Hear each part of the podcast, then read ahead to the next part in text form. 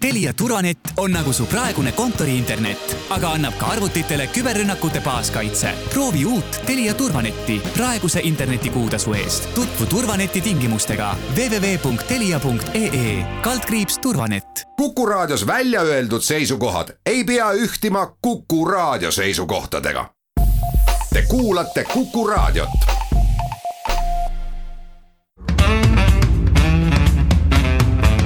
Muuli ja Riikoja tere päevast, head kuulajad, kell on seitse minutit üksteist läbi, et on reedene päev, siis ka saate Muuli ja Riikoja aeg ehk Kalle Muuli ja Hindrek Riikoja on stuudios. tere päevast. alustame täna koroonateemade ja sellega seonduvate teemadega. haigestumus kasvab tasapisi, keskmine haigestumus viimase neljateist päeva jooksul on siis või suhtarv on siis kolmsada neliteist koma kakskümmend kolm. räägime kindlasti ka sellest, on siis maski kandmine avalikes siseruumides kohustuslik ja tänasel mastivastasel protestiüritusel peatume ka põgusalt.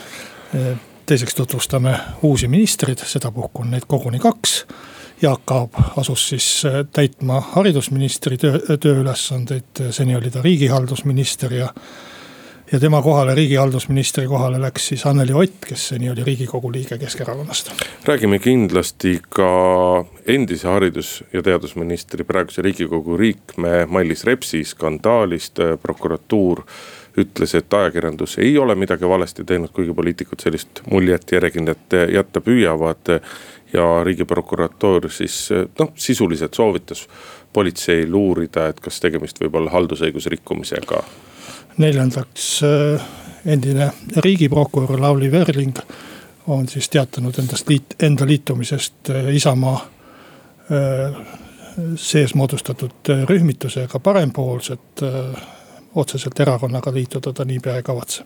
räägime ka abielureferendumi saatusest nädala alguses ootamatult riigikogu komisjonis ei läinud vastav eelnõu läbi, sellepärast et Siim Valmar Kiisler häälet-, küll kuulub koalitsiooni, aga hääletas sellele vastu. nüüd, nüüdse, nüüdseks on see siiski juba suurde saali saadud. just. aga lõpetuseks siis vaatame veel teemasid palju, kas jõuame rääkida ka põllumajanduse üleminekutoetusest ehk top-up'ist, millest ETV saade Pealtnägija tegi lõppeval nädalal meeleoluka loo Muuli ja Riikoja. viimasel ööpäeval tuvastati Eestis kolmsada seitsekümmend positiivset koroonatesti. kokku on Eestis tehtud siis nüüd alates kevadest nelisada kuuskümmend neli tuhat kakskümmend viis testi, haigusjuhtumeid on üksteist tuhat kolmsada kakskümmend kolm.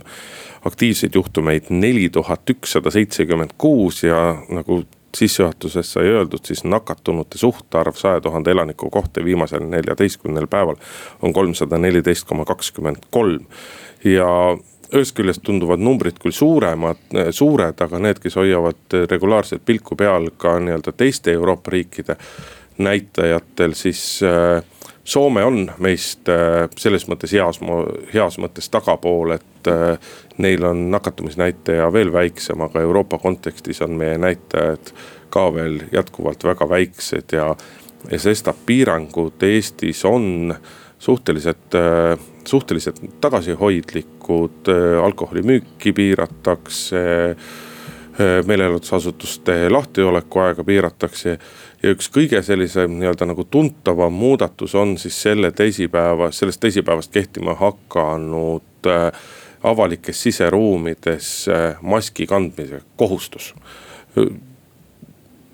Väga palju nii-öelda nagu auru, tähelepanu ja arutelu on läinud äh, siiski aga teemale, et kas sellist kohustust saab üleüldse kehtestada ja vähemasti osad ajakirjandusväljaanded on väga palju tähelepanu pööranud sellele, et kes siis hakkab trahvima, kes siis hakkab trahvima neid, kes maski ei kanna. sellest nii-öelda sellest arutelust, et kas see nii-öelda seaduspärane on või mitte, noh, ma saan sellest natukene aru, kuigi aeg-ajalt mulle siiski. ma ei mõista, et millest nagu selline võidujooks ja, ja millest selline nii-öelda nagu paaniline vaidlus selle nimel, et kas see kohustus siis on seaduspärane või mitte. küll aga võib öelda, et, et probleem on selles mõttes olemas, et küsitavusi on ja, ja õigustatud on nagu küsimused riigile, et miks poole aasta jooksul ei ole seadusandlust selles plaanis nagu korda tehtud. aga ega riigi tasandilgi on ju nii-öelda arutletud, arutletud selle teemal pikalt, justiitsministeerium on, on juba mõnda aega veendumusel, et sellist maski kandmise kohustust võib kehtestada ka praeguse seadusandluse raamides. õiguskantsler on, on olnud samas jällegi sellisel kõhkleval seisukohal ja, ja noh, näiteks endine õiguskantsler Allar Jõks on olnud üks, üks aktiivsemaid, kes ütleb, et, et sellel, sellisel kohustusel ei ole seaduslikku alust noh, ma olen sellega päri, et kui äh, kodanikele pannakse mingeid kohustusi, siis need peavad kindlasti õiguspärased kohustused olema. kui me räägime õigusriigist ja kui me kõikides muudes asjades tahame õigustest lähtudes, aga samas ajas ma ei saa aru mis põhjusel ajakirjandus võimendab üle ühe advokaadi äh, seisukohta. Allar Jõks tõepoolest on, on vist äh, üks väheseid või ainuke, kes igas väljaandes räägib, et see kõik on ebaseaduslik ja nii edasi. no ma võin ütelda siis, et kui te ei ole märganud, siis eelmine sügisel rääkis Allar Jõks sama veendunult, et pensionireform on ebaseaduslik, põhiseaduse vastane ja mis ta kõik on. president läks tema õhutusel või ma arvan, et tema õhutusel riigikohtusse, tuli välja, et justiitsministeeriumil, kes kogu aeg rääkis, et pensionireform on seaduspärane, oli õigus ja Allar Jõksil ei olnud. ja nüüd võetakse täpselt seesama Allar Jõks ette ja kuulatakse tema järgmist juttu. Äh, sellise innuga ja võimendatakse seda nii, nagu see oleks mingisugune maailma äh, lõputu tarkus. Eestis on kaheksasada advokaati. no eks neid, äh, eks neid juriste on veelgi, kes on nii-öelda avalikult sellel teemal sõna võtnud, aga jah, Allar Jõks noh, eelkõige tulenevalt oma minevikust ajaloost, tegemist on ikkagi viimastel valimistel väga tõsiseltvõetava presidendikandidaadiga eelmistel valimistel ja just nimelt endise õiguskantslerina, et seetõttu noh, tema sõnal on paratamatult. no ma võin ütelda veel, et üks advokaat ju äh, räägib meil kogu aeg, et Estoniat ründas allveelaev või põrkas kokku allveelaevaga, et. võiks neid jutte veel nagu võimendada igasuguseid, mida erinevad advokaadid äh, esindavad meil, et. Äh, aga noh, vaata selle vastu sa ei saa. aga, aga et... inimestele jäetakse mulje, et see ongi nagu tõsi, see on lihtsalt üks arvamus, ühe juristi, ühe advokaadi arvamus arvamus. aga seda vastandatakse tervele riigile, tervele valitsusele, kes on oma analüüsid teinud. ja, ja seatakse nad võrdsele kaalule, no see ei ole ju võrdne, eriti kui alles äsja on see advokaat äh, ühes väga olulises küsimuses täiesti läbi kukkunud ja täiesti eksinud. noh, nüüd täiesti läbi kukkunud, nüüd sa teed, teed võib-olla natuke Jõksile liiga. kas riigikohus sulle... kasvõi ühe asja mõistis sealt äh, nagu selliseks nagu Allar Jõks oli pakkunud. riigikohus ütles kõikide asjade kohta, et need on põhiseadusega kooskõlas noh, oli siiski ka riigikohtunikke, kes eriarvamusele jäid, eks ole, eriarvamus oli paras ports, aga noh, see selleks.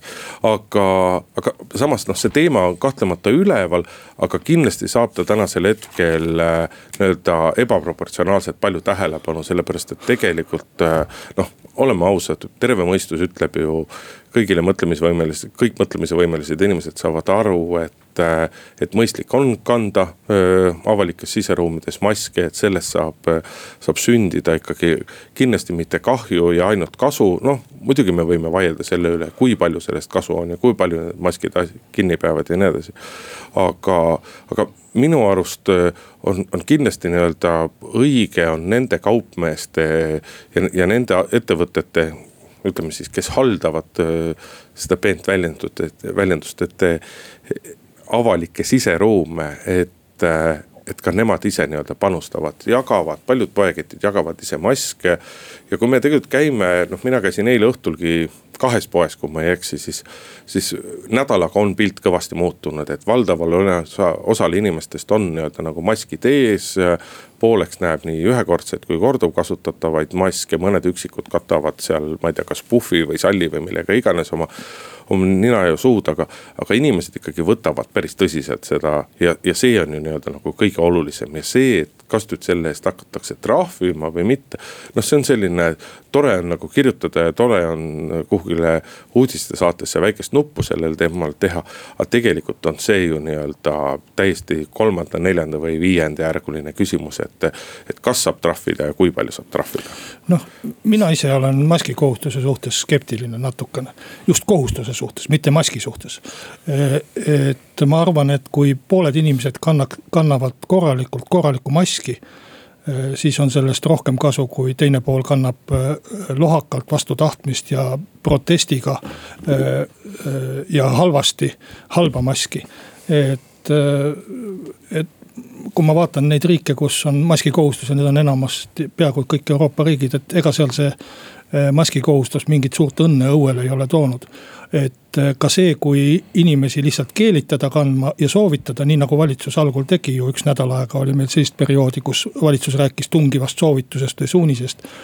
et ma arvan, et ka see sellest oleks palju abi ja siis ära, jääks ära ka selline, selline mõttetu protest, mida me täna hakkame kuskil Vabaduse platsil nägema, ma loodan, et sinna üle kümne inimese ei kogune. Äh, ja, ja, ja, ja soovin vihmast ilma täna, aga äh, noh inimestel on õigus oma meelt avaldada, ma olen selle, sellega päri ja sellepärast ma päris imestan, et miks Reformierakond viskas äh, meeleavalduse korraldaja enda, enda ridadest välja, et me oleme vaba maa ja kui tõesti keegi tahab äh, maskide vastu meelt avaldada noh, loomulikult äh, Reformierakonna enda asi, kes tema liikmed on ja kes ei ole. Et äh, sinna ei tahaks sekkuda, aga, aga see, see aga oleks. see on väga, aga vaata, see on selles mõttes nagu väga huvitav detail Reformierakonna puhul, et jah, nad muidugi oma selles Li. liberaalne erakond, kohe, kohe näha, et liberaalne, täiesti välja, liberaalne. oma selles äh, nii-öelda väljaviskamisteates nad küll tõid nagu teisi põhjuseid veel, aga aga noh, selles sama tänase, tänase protestiaktsiooni kohta tahaks öelda, et ühest küljest loodaks, et sinna tuleb võimalikult vähem ini-, vähe inimesi. ma ise küll teeks panuse sihuke paarikümne inimese peale. ja minu arust on siiski tegemist nagu antud teemal nagu ilmselgelt nagu keskmisest tunduvalt rumalate, rumalate inimestega, kui nad sellise asja vastu tuleb protestida. aga mulle küll ei meeldi nende seisukohad, aga kuidas see kaunis ütelus on, et aga ma olen valmis surema selle nimel, et nad seda seisukohta no, nagu väljendada no, maskivastaste nimel ma surema ei ole valmis, aga, aga üldiselt ma arvan, et seda ei maksa ka nii üle tähtsustada, et peaks inimesi hakkama riigist välja saatma. jah, Kalle, lihtsalt sulle, et silmaringi laiendamiseks tegemist oli kujundliku väljendiga, mitte sõna-sõnalt võetava avaldusega. aga noh, Reformierakond meil ju paistab silma ka sellega nii-öelda vihakõne eelnõu ja mille kõigega veel, eks ole, et tõesti, nagu sa ütlesid, klassikaline liberaalne. visk, viskleb seinast seina ühesõnaga. jah, aga mis seda maski kandmist puudutab, siis kui mina kaubanduses ringi vaatan, siis minu arust külastajad kannavad maske nagu nii-öelda väga mõistlikult ja väga sihipäraselt, aga kelle puhul ma seda kuidagi ei näe. on kaubanduskettide töötajad ja seal ma näen küll pidevalt seda, et kas see mask on lõua all või siis on ta suu ees, nina on vaba. või, või kuidagi noh, risti vastupidi sellele, kuidas, kuidas nii-öelda arstid räägivad, et ühte maski peaks nagu kandma. ja seal tuleks minu arust teha kõige rohkem selgitustööd, mitte tavaliste inimeste minu mulje on täpselt samasugune, et Eesti inimesed on üllatavalt äh, äh, hästi omandanud nii maski kandmise kui ka need maskid, mida nad kannavad, jätavad päris hea mulje, et tundub, et need päris mingid suveniir-sitsirätikud ei ole, mis näo ees on, et. et selles mõttes on vähemalt need Tallinna kodanikud nendes kauplustes, kus ma olen käinud, on küll väga tublid olnud. teeme siinkohal väikese pausi, oleme siis eetris tagasi. muuli ja Riikoja jätkame saadet stuudios Indrek Riiko ja Kalle Muuli. Äh, on siis vabariigi valitsuses kaks uut ministrit või peaks ütlema üks, sellepärast et Jaak Aab äh, vahetas ei saa ütelda isegi, et vahetas portfelli, sest enne tal portfelli ei olnud no,. just, et Jaak sai portfelli. just sai kilekoti pealt portfelli peale. jah, riigihalduse ministri koha pealt äh, haridusministri koha peale ja. haridus- ja teadusministri. haridus- ja teadusministri koha peale ja Anneli Ott siis riigikogu liige äh, läks äh, riigihaldusministriks või. või ma peaks ütlema, et tuleb, sellepärast me hakkame tööle ühes majas. no on juba tulnud, sest et ta on ju ametisse astunud. no Jüri Ratase, palju on üritatud analüüsida, et mida siis Jüri Ratas nüüd tegi see või mida selline nii-öelda ministrid, uued sellised ministrid nagu näitavad ja. ega see näitab tegelikult seda, et äh, Jüri Ratas läks nagu kindla peale välja, et Jaak Aab on Jaak Aab on nii-öelda purjus peaga sõites omad vitsad juba korra saanud, et sealt ei ole, et ei ole karta Jüri Ratasele, et keegi saaks hakkama mingite tohutute skandaalidega või meeletult nagu läbi kukuks, et Jaak Aab on, ta on väga kogenud poliitik. ta on väga erinevatel ministripositsioonidel olnud, ehk ta teab väga hästi, mida tähendab ühe ministeeriumi juhtimine. ja, ja Anneli Ott on ka, ta on ikkagi poliitikuna päris kogenud poliitik. no ministriameti puhul tulebki kindla peale välja minna väga pentsik oleks, kui seda ametit hakata kasutama mingiteks äh, eksperimentideks, et. Äh, no, no ma ei tea, no Janek Mägi nimetamine just, teatud mõttes oli ikkagi eksperiment. Janek Mägi oli päris kõva eksperiment selles mõttes, et, et. mitte, et Janek Mägi nagu rumal inimene et, oleks, aga lihtsalt noh, nii-öelda hoopis teisest valdkonnast. no ei olnud ka poliitikas proovitud, eks ju, et sa ei tea Äh, mida temast oodata, kui poliitikasse tuleb, aga, aga minu kogemused ja kokkupuuted nii Anneli Oti kui Jaak Aabiga on küll väga positiivsed ja, ja meeldivad olnud. Anneli Otiga ma olin, töötasin koos äh, riigikaitsekomisjonis, ma arvan, et aasta või paar. ja, ja see oli väga töine ja meeldiv ja, ja väga asjalik ja väga abivalmis inimene, nii et minul on ainult head mälestused temast ja, ja, ja samamoodi Jaak Aabiga, et viimati me lahendasime eh, temaga koostöös eh, kommunismi ohvrite memoriaali ja jalgpallihalli kuulsat küsimust. kus eh, minu meelest tänu Jaak Aabi heale tööle saime päris hea lahenduse, kus memoriaal jääb varjutamata jalgpallihallist ja samal ajal Levadia saab teise kohta jalgpallihalli. ja saab endale veel väikse administratiivhoone, et hundid söönud, lambad terved ja sellised lahendused mulle meeldivad kõige rohkem ja ja ma arvan, et see oli väga asjalik panus Jaak, Jaak Aabi poolt. no palju on küsitud või palju on räägitud, et mispärast Kesk on, Keskerakond ja Jüri Ratas ei pannud haridus- teadusministriks mõnda nii-öelda tugevat haridusspetsialisti, et Jaak Aabi kohta noh, on tore küll öelda, et ta on õpetaja ja õppealajuhatajana tegutsenud, aga need ajad jäävad ikkagi juba päris kaugele ja Eesti haridusmaastik on sellest ajast saadik väga palju muutunud, et selles mõttes noh. haridus, haridusvaldkonda hästi tundvaks inimeseks ei saa Jaak Aabi kindlasti nimetada. aga noh, kui me võtame praktikas nii-öelda Keskerakonna pingi ette, siis äh, pikalt oli seal Peeter Kreitsberg, äh, siis oli seal Mailis Reps ja ega tegelikult nii-öelda. praegusel hetkel Keskerakonna nii-öelda poliitilise kogemusega tugeva, tugev haridusspetsialist ega peale praeguse Tallinna linnapea Mihhail Kõlvarti väga palju ei ole. sest et abilinnapeana kureeris Kõlvart just nimelt seda valdkonda ja ka toonased haridusministrid, äh, vähemasti kaks on minule küll öelnud, et temaga oli väga hea asju ajada, et ta tundis valdkonda, sai asjadest aru mu enda kogemused haridusvallas Kõlvartiga on küll pisut teistsugused, aga ka, ka seal leidsime kompromissi. aga noh, ilmselgelt nii-öelda taktikaliselt praegusel hetkel vähem kui aasta enne kohaliku omavalitsuse Eh, valitsuste valimisi ei oleks saanud Keskerakond mitte kuidagi tuua Kõlvartit Tallinna linnapea kohalt haridusministri koha, kohale, sellepärast et Keskerakond seisab silmitsi olukorraga, kus nad kaotavad ainuvõimu Tallinnas. ja küsimus on nüüd selles, et, et kuidas iga hinna eest saavutada võit Tallinna valimistel, et linnapea koht tulevases koalitsioonis jääks ikkagi Keskerakonna kätte. ja, ja siis tuligi nii-öelda kindla peale kogenud poliitiku peale välja minna noh jah, eks Keskerakonnal neid haridus heeroseid ja, ja suuri isemõtlejaid oleks kindlasti alates Mihhail Stalnuhhinist kuni no,, kuni on... Hendrik Agurini välja. Märt Sults, eks ole, aga noh, oleme nüüd ausad, et need inimesed tunnevad küll haridust, aga noh, ministri ainest on nendest siiski noh, ütleme kasinalt. et ma arvan, et siin ikkagi poliitiline kogemus on oluline äh, sellises olukorras äh, ministriametit olla ja seda, seda kogemust on tegelikult nii Anneli Otil kui ka Jaak Aabil ikka palju rohkem, kui, kui tuua kuskilt väljast äh, mõni mõni tõesti võib-olla, et läbi ja lõhki haridusvaldkonnas tegutsenud ja töötanud inimene, et, et siin on ikkagi praeguses olukorras, ma arvan, on see poliitiline kogemus palju tähtsam kui, kui harid-, haridusalane kogemus. jah, ja ei pea muretsema selle pärast, ministeerium saab, saab bussi maha müüa, eks ole, ei juhtu sellest midagi, ei pea muretsema, et. jälle kerkib kuidagi tuliselt üles ametiautode teema, kuigi tasub siiski meenutada, et see kahetsusväärne vahejuhtum, kui Jaak Aab laupäeva hommikul äh, alkoholi jääknähtudega vahele jäi, siis ta istus oma ametiauto roolis tollel hetkel. jah, mis äh, oleks võib-olla eeldanud autojuhi kasutamist, eks. noh, oleks võinud jah, aga vaata selle eest ikkagi suure südamega inimene, et ei hakanud ministeeriumi teenistujat laupäeva hommikul erasõiduks kasutama. kusjuures ma arvan, et seda bussi ei müüda maha. ei noh, ma arvan ka, et ei müüda maha, aga sa saad aru küll, mis ma räägin. et äh, siin on jah, nagu palju nalja visatud, et äh, loetud järjest nädalaid, et milline minister sellel nädalal, milline minister minister millisel nädalal ametist on lahkunud ja kes võiks lahkuda see nädal või kes võiks lahkuda järgmine nädal, aga noh, seda me tõenäoliselt siiski nagu näha ei saa. muuli ja Riikoja Läheme saatega edasi, Kalle Muuri ja Hendrik Riikoja on stuudios. Tänaseks vastase riigikogu liikme Mailis Repsi endise teadus- ja haridusminister, haridus- ja teadusminister.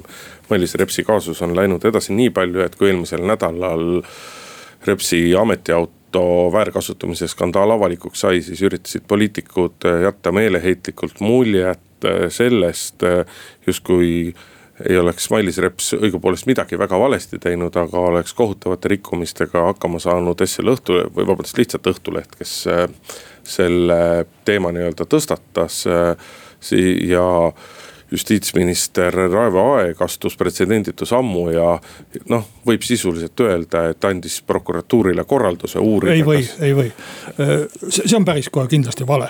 ei ole, Raivo Aeg ütles, Raivo Aeg ütles valitsuse pressikonverentsil, et ma palusin prokuratuuril seda asja uurida. ei, ta ütles, et palus hinnangu anda no, ja.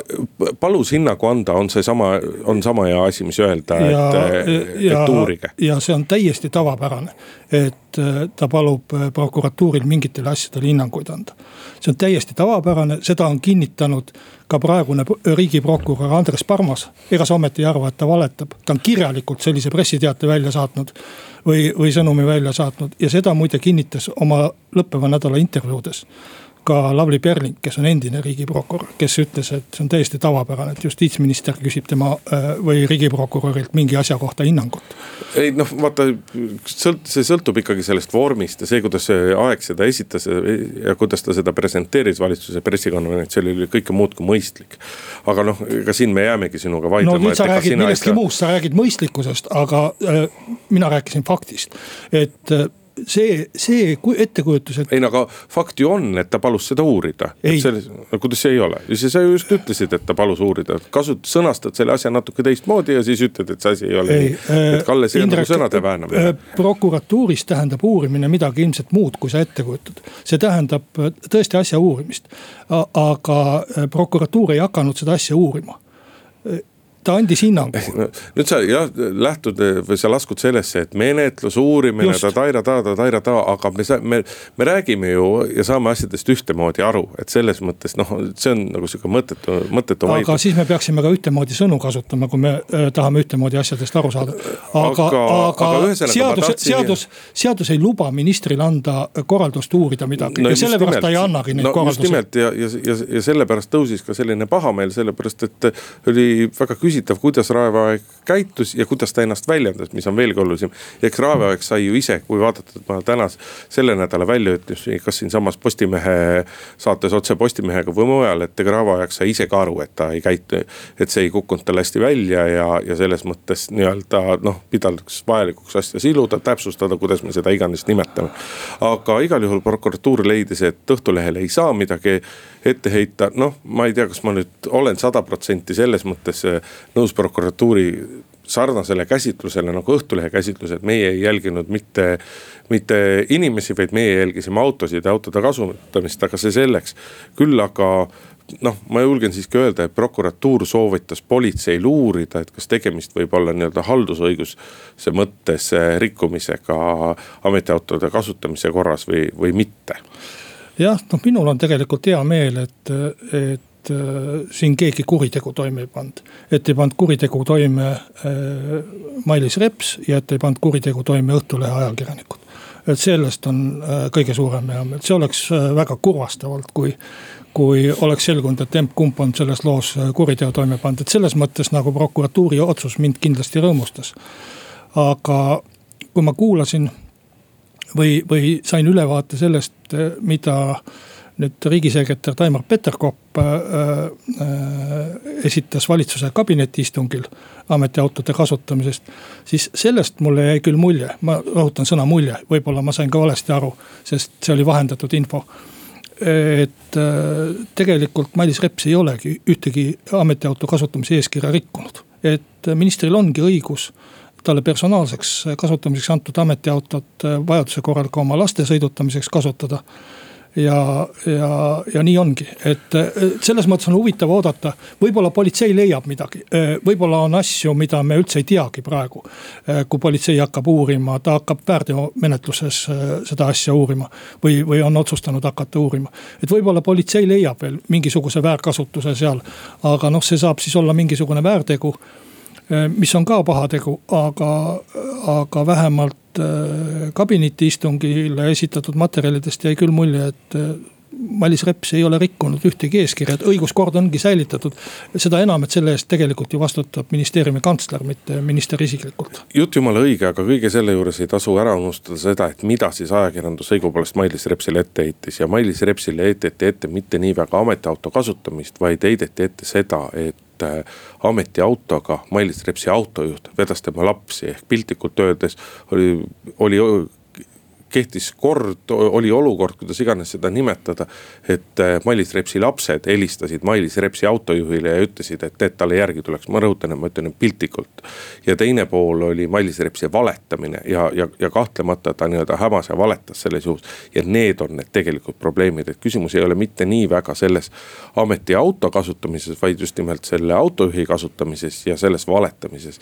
ja need on, ega seal ongi keeruline seadustega vastuolu leida, et see ongi pigem nii-öelda nagu eetiliste ja väärtuste küsimus. noh, see, sellega ma olen nõus, et seal, see ongi selline mõõdutunde küsimus, aga kui sul on ka kuus last, siis selge see, et neid veetakse rohkem kui seda, kellel on üks laps, et aga ma ei õigusta kuidagi käitumist. mul on ka viis last, aga mul töölt ei ja, pea keegi vedama. ja kui sa rääkisid siin justiitsministrist, siis tema oli üks esimesi muide, kes selle hukka mõistis.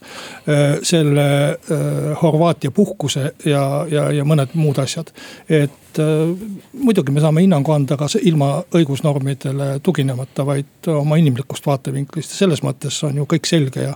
Mailis Reps on ka vastutuse võtnud ja, ja lahkunud ministeeriumist. see on kahtlemata positiivne selle asja juures. muuli ja Riikoja endine riigi peaprokurör Lavly Perling teatas sellel nädalal, et ta asub parempoolsete toetajaliikmeks ja kes ei tea, siis mis loom see parem, mis loomad need parempoolsed on, tegemist on siis Kalle sinu koduerakonna Isamaa nii-öelda ühe erakonnasisese ühendusega või ja, liikumisega. see on ühendus kõik oleks justkui nii-öelda nagu lihtne ja selge, kui ei oleks nagu see mitut nagu sellist nagu pentsikut olukorda, et, et Lavly Perling on teatanud, et ta, ta tahab minna poliitikasse ja sellepärast temast saab parempoolsete toetajaliige, samas kui sa ikkagi poliitikas tahad olla ja osaleda, siis pead sa olema erakonna liige. aga vot erakonnaga juhtus küll selline pentsik lugu, et, et erakond, kuhu siis peaks astuma, on Isamaa. aga Lavly Perling alustas nii-öelda oma poliitika sise, poliitikasse sisenemist pehmelt öeldes krõbedate ja kriitiliste sõnavõttudega Isamaa aadressil ja Isamaa praeguste, praeguste juhtide aadressil ja noh, ei tulnud kaua oodata, kui ka Isamaa esimees Helir-Valdor Seeder nii-öelda omakorda krõbedalt Lavly Perlingule vastas, aga eks see tõenäoliselt on ikkagi nii-öelda laiemas plaanis need Perlingu väljaütlemised ja kõik see nii-öelda näitab seda, et, et eks parempoolsete ühenduse üheks ja, ja, ja küllalt suureks oluliseks eesmärgiks on, on Isamaas võim võtta, sest et võimu seal praegu ilmselgelt ei ole. Noh äh, äh, minul on äh, hea meel muidugi selle üle, et, et Lavly Perling äh, liitus parempoolsetega. ma mõtlesin, et hea meel sellepärast, et parempoolsed tahavad võimu võtta erakonnas. ja, ja ilmselt ka kavatseb liituda Isamaaga, sest noh, mis mõte on muidu nende parempoolsetega liituda. ja, ja arvan üldse, et parempoolsete võib-olla senine kõige suurem teene Isamaa jaoks on see, et on toodud äh, Isamaa juurde ja Isamaasse uusi äh, nimekaid ja väljapaistvaid äh, liikmeid.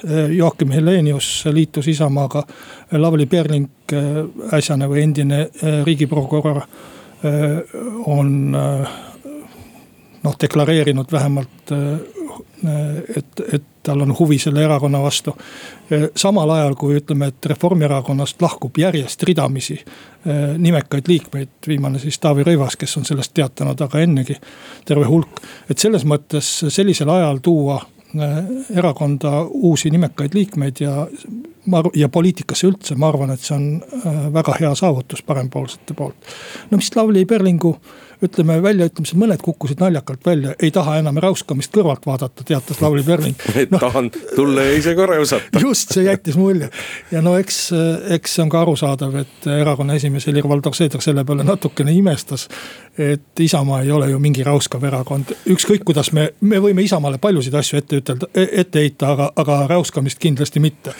no ka nüüd päris lõpuni ei tahaks nõus, et kui vaadata, vaadata me, Priit, vaadata Priit Sibula Facebooki näituseks ko, kooseluseaduse hääletamise ajal ja hiljemgi, siis seal kohati on küll. vaata kui tore, et ma ei loe Facebooki. Aga... et väga paljud nagu kergitasid ikkagi kulmu väga kõrgele ja küsisid. noh, see vist oli see ka aastal kaks tuhat neliteist, eks ju. noh, jah, aga eks seda siin nipet-näpet. vaevalt, et Lavly Perling nüüd sellele reageerib, mis aastal kaks tuhat neliteist. ei, seda kindlasti mitte, aga samas noh, muidugi Lavly Perlingi kriitika selles suhtes, et, et, et, et Isamaaliit läbi koalitsiooni ja läbi nii-öelda EKRE-ga koos koalitsioonis olemise nii-öelda kuidagi noh, vaikides toetab või kuidas me iganes seda nimetame, seda sellist nii-öelda räuskavat äh, poliitkultuuri ja, ja noh sellistele asjadele on muidugi väga raske vastu vaielda, et te küll ei taha seal Isamaas seda tunnistada, aga noh, nii see praktikas tegelikult ikkagi kahjuks on, et selles mõttes.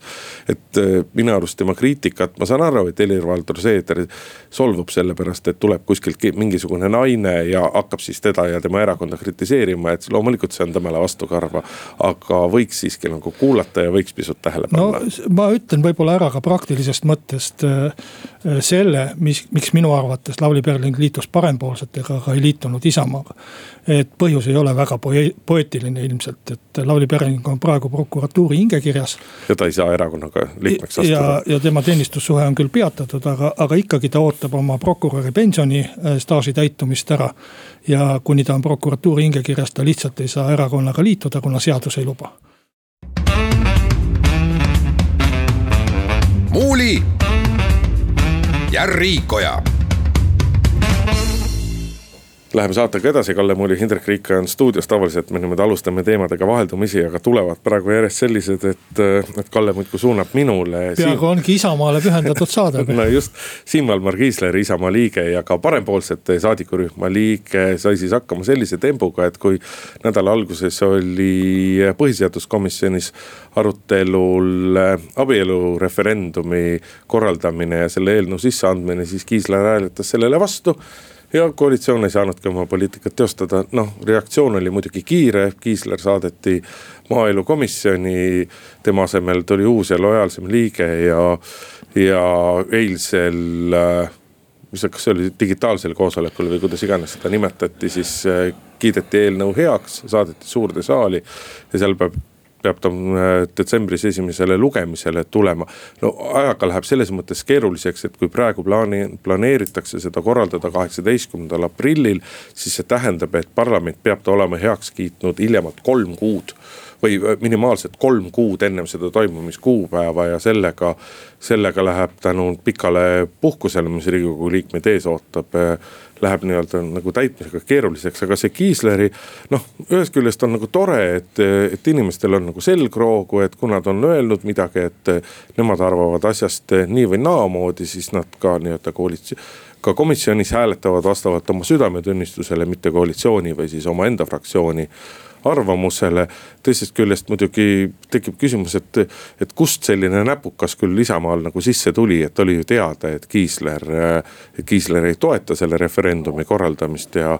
ja, ja sestap oleks võinud selle vangerdamise varem ära teha, aga noh tegijal ikka juhtub, võiks vist öelda või, et noh no, seal... erilist sangarlust siin muidugi tegelikult no, ei ole. seal oli vist ka see asi, et komisjonil parajasti oli esimehe vahetus, kuna senine põhiseaduskomisjoni esimees Alar Laneman läks äh, maaeluministriks, aga noh, ega see kas ta nüüd saadeti suur, suurde saali kaks päeva varem või kaks päeva hiljem, et sellel ju mingit äh, suurt praktilist tähtsust ei ole ja selle.... no samamoodi nagu ei ole tähtsust, kas see referendum toimub nädal, kaks, kolm või neli hiljem, eks ja, ole. et sellele kaheksateistkümnendale aprillile ka ei maksa nüüd äh, sellist aamen-kirikut külge panna, et kui seal Äh, eelnõu äh, seaduks, otsuseks vormistamine riigikogus äh, rohkem aega võtab, eks siis lükatakse seda tähtaega ka edasi. see saab jah selles mõttes huvitav olema, et siin on, meie oma saates väga palju ei olegi rääkinud, aga noh, sotsiaaldemokraadid on ju lubatud, lubanud nii-öelda tõelist torpedeerimistaktikat rakendada. ehk on lubanud esitada vajadusel tuhandeid, kui mitte kümneid tuhandeid parandusettepanekuid, milles nähakse siis võimalust halvata riigikogu töö tegelikult päevadeks, kuudeks ja võib-olla isegi aastateks, aga.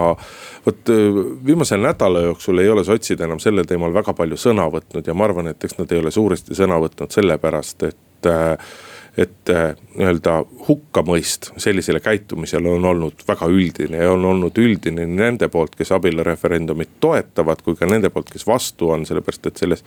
nähakse ikkagi üks asi on nagu väga halba poliitilist praktikat ja teine poolt nii-öelda ikkagi selliste demokraatia alustalade kallale minekut ja eks seda ta kõike on, et, see, et junditakse künditakse neli tundi või, või üks öö või isegi paar ööd, et sellest kõik saavad aru, aga hakata nüüd nii-öelda teadlikult tegelikult riigi seisukohast muidugi noh, nagu täiesti tähtsusetu küsimusega niimoodi jonnima ja niimoodi käituma, et. Et see sotsidele kindlasti au ei tee. noh, sotsidest ma veel saan aru, nad on selles mõttes nagu mõttetu rühm, et isegi kui nad kunagi peaks valitsusse saama.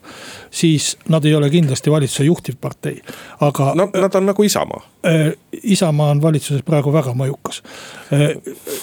võin sulle Kalle, sa olid nii armas. pensionireform on, ma arvan, et selle kümnendi üks kõige mõjukamaid asju, mis Isamaa tegi aga äh, äh, ma mõtlen just Reformierakonna peale.